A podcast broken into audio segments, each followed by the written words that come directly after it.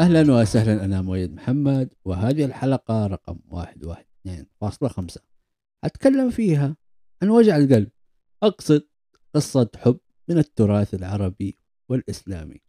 وممكن بين كل فترة وفترة ناخذ قصة جديدة ونتكلم فيها. وأنا بكتب الحلقة في بالي اقتباس للعظيم جورج آر آر مارتن يقول هذا الاقتباس. إذا كنت تعتقد أن هذه النهاية نهاية سعيدة فبالتأكيد أنت لم تكن منتبها.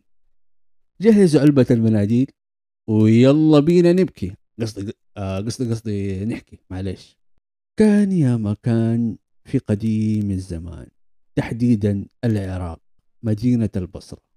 شاب مغرم بأنثى ملائكية فتنت قلبه. وتعذبت روحه بعد انقطاع الاتصال بها ففقد عقله المسكين. آه يا عاشق آه. فكر الشاب ماذا سيفعل؟ وماذا سيفعل؟ فقرر أن يذهب إلى الصحراء لربما يلقى سرابا لمحبوبته. فهام في الصحراء وتعب وعند النخلة جلس ووجد حجارة فكتب عليها. لعله يلقى النصيحة أو لعل كلامه يصل لتلك الممتنعة عنه. فقال أيا معشر العشاق بالله خبروا. إذا حل عشق بالفتى ماذا يفعل؟ والله يا صاحب العاشق لو أعرف كان قلت لك بس أكيد راح تلاقي إجابة.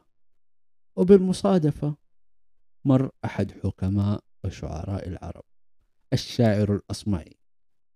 فكعادة أي حكيم حب يتفلسف على الولد فكتب على ظهر الحجرة يداري هواه ثم يكتم سره ويصبر في كل الأمور ويخشع. الشاب العاشق فرح وقال أخيرا لقيت أحد يكتب فكتب يريد النصيحة كيف يداري الهوى قاتل الفتى وفي كل يوم قلبه يتقطع. والله يا صاحب العاشق أنا اللي قلبي جالس يتقطع منك. على قول أم كلثوم أهل الحب صحيح مساكين. رد عليه الأصمعي وشكله طفش كثرة الكلام ومن الولد العاشق وحركة المراهقين دي وأهل الحب والمساكين.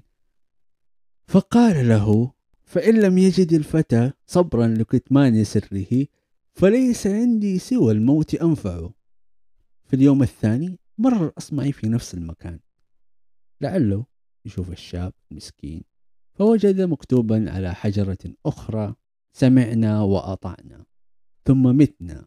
فبلغوا سلامي إلى من كان للوصل يمنع. وبجانبها جثة العاشق المسكين. وبكذا انتهت الحلقة. أتمنى أنكم تقيموا الحلقة بالتقييم المناسب لكم في منصات البودكاست اللي بتسمعوني منها وتنشروا الحلقة زي ما نوجع قلبكم. أنشروها لأحد تاني وجع قلبه والأحد الثاني يرسلها الأحد الثالث وهكذا عشان تتنشر الحلقة ويتنشر البودكاست. ولا تنسوا أننا نتكلم عن كل شيء ولا شيء.